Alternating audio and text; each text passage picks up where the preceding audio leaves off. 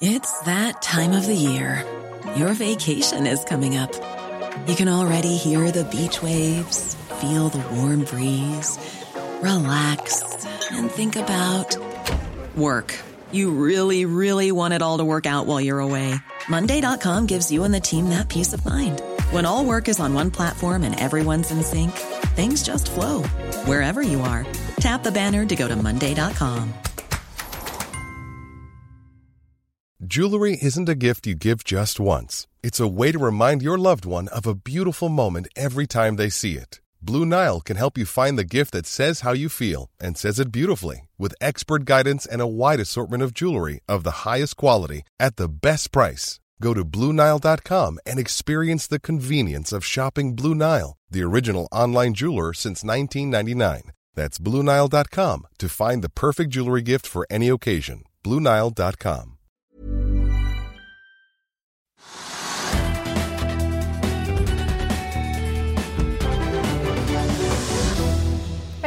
til Økonominyhetene tirsdag. I dag skal vi se nærmere på teknisk analyse av Kongsberg Automotive. Vi skal også innom hva som rører seg på Asia- og USA-børsene, men vi begynner her hjemme Oslo Børs.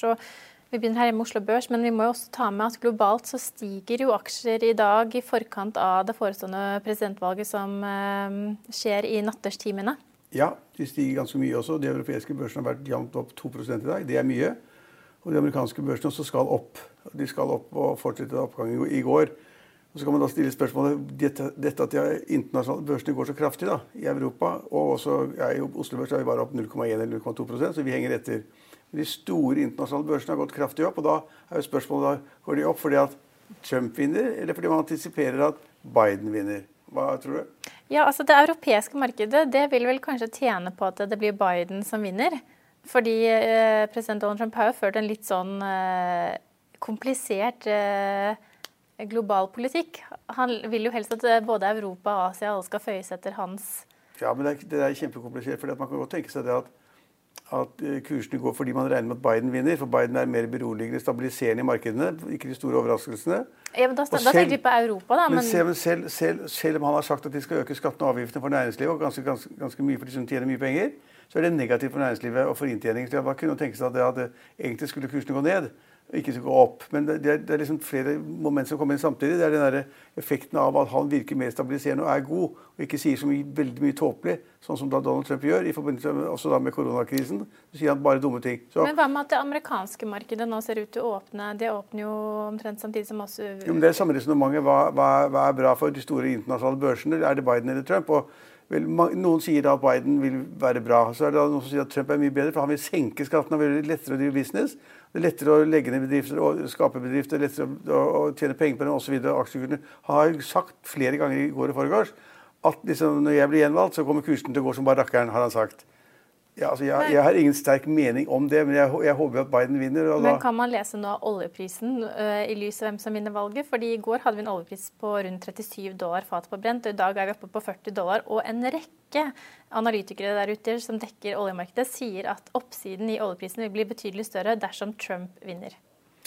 Og nå går ja, oljeprisen i forkant av valget. Trump er jo da stort sett næringslivsvennlige, og også da innen olje- og gassindustrien, hvor de har mektige venner og bekjente osv. slik at de tror at de vil få bedre vilkår hvis Trump vinner. Men eh, det kan også bli så mye uro på at Trump skal vinne, at liksom kursene faller, at folk er engstelige hva som skjer.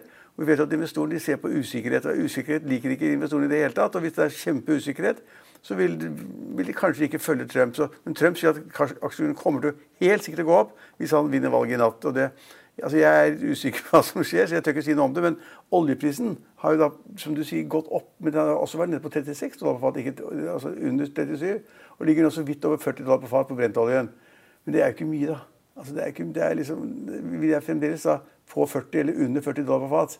Ja, men tre, tre, dollar siden vi hadde sending i går, det er vel ikke så verst? Det er veldig mye, og det er veldig sterk oppgang. Men spørsmålet om da, hvis du ser på listen over vinnerne og taperne, så vil du se det at eh, på, på vinnerlisten så er det da en del oljeborerigger og oljeserviceselskaper som da på en måte pleier å gå, opp, for de henger sammen med oljeprisen.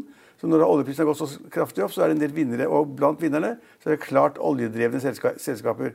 På den annen side, Hvis du ser på taperlisten, så vil du også finne at Nest største taperen i dag er også et altså oljeserviceselskap. Så det er kjempevanskelig å si det hvor, finnes hvorfor aksjene går. Men det at Equinor, altså Aker BP og Equinor de pleier å følge oljeprisen opp. Equinor stiger 1,6% mens Equinor faller tilbake Altså Aker BP stiger 1,6% mens Aker Equinor faller ned. Og Kan det ha noe med at vi nå har begynt å få tall på dette USA-tapet deres som bare blir høyere Nei. og høyere? Altså De er oppe i nå 24,5 milliarder dollar i tap på USA-satsingen sin. Ja, men altså, det er 200 milliarder, 250 milliarder tror jeg ikke folk bryr seg om. De vet at det er kjempetap, og det må de diskontere. Eh, det som er mer problematisk med Equinor fremover, det er det at eh, man er ikke helt sikker på om de skal kjøre fullt med olje og gass, eller om de skal da begynne med fornybar eh, energi og annet, som da ikke investorene vet om de vil tjene nok penger på.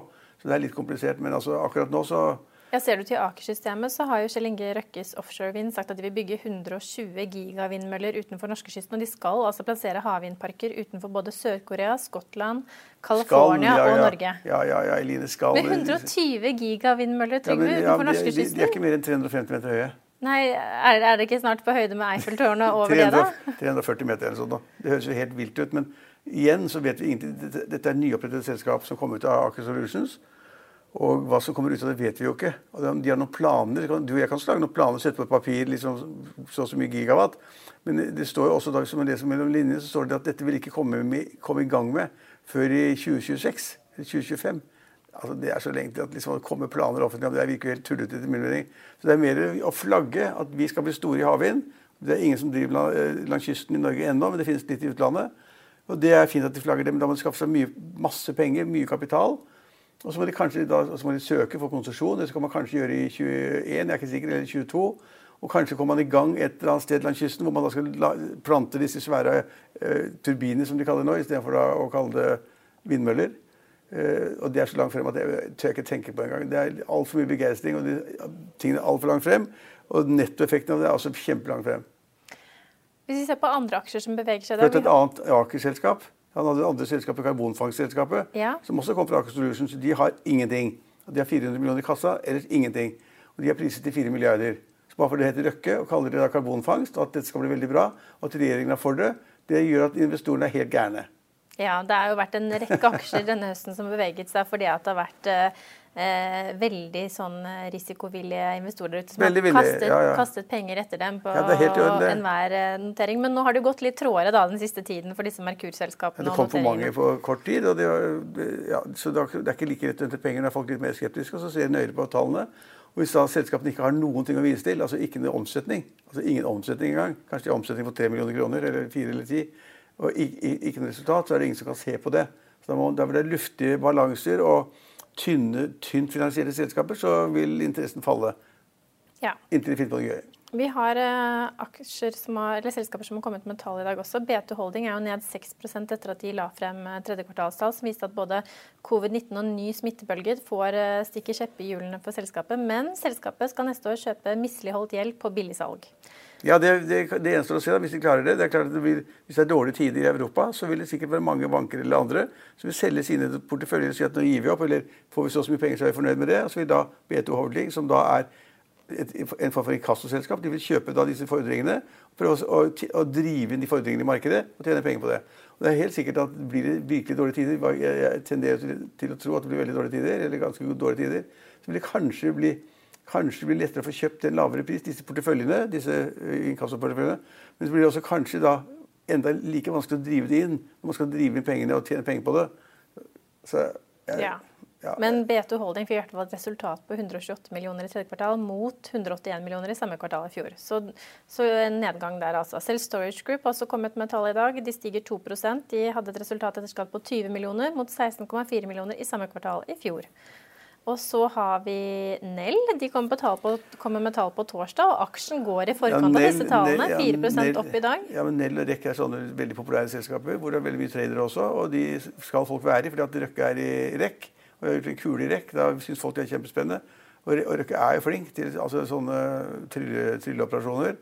Uh, og, og, Nell er da noen som vil være i, for det er liksom det norske hydrogenselskapet. Så de har gått jevnt og sikkert hele tiden, og det er ganske interessant. Men det som jeg snakket om forleden, som jeg syns var mye morsommere enn det, er jo taperen i dag. Hvem er det? Taperen er SAS. Det er SAS, det er ned 35 Det er omsettes for én krone.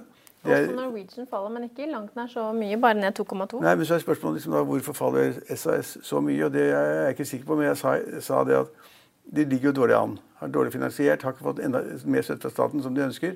De har hatt en re, refinansiering som jeg ikke vet helt hvordan falt ut. Men når da de faller liksom 35 i dag, så tyder det ofte på at det er noe som er i markedet som ikke alle får greie på. At det går rykter om at de skal refinansiere, kaste ut de gamle aksjonærene, nedskrive de gamle aksjonærene, få en ny kapital, ny emisjon til kjempelave kurser som da vanner ut de gamle aksjonærene. Et eller annet er i gang. for at En, en, en aksje faller ikke 35 på en dag sånn av seg selv. Det er noe annet. Det er markedsforholdene, det er prisingen, det er finansiering. Det er et eller annet er gærent i SAS for tiden. Derfor faller aksjen 35% Ja. Og så har vi da Softox, som har kommet med en melding om at de har tildelt 18,7 millioner av det amerikanske forsvarsdepartementet til forskning og utvikling av infeksjonsfjerner.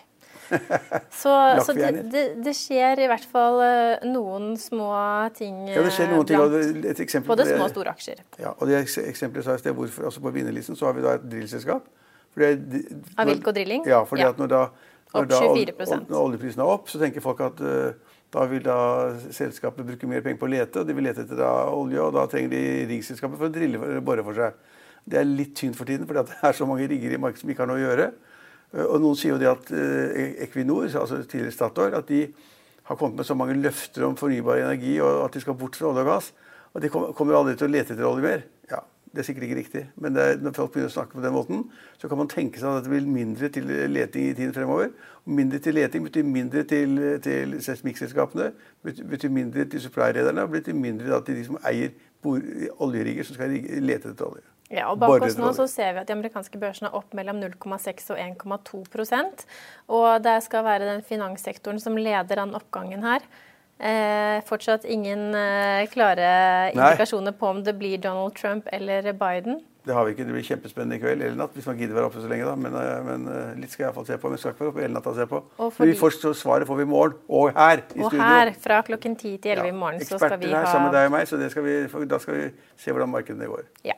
Og med det er vi ferdige for i dag, men vi minner om at vi er tilbake i morgen. og Da har vi to sendinger. Fra klokken 10 til 11 kan du følge med vår live valgspesial. Og så er vi tilbake med ettermiddagssendingen klokken 15.30. Det var alt vi hadde for i dag, men følg med oss igjen da i morgen.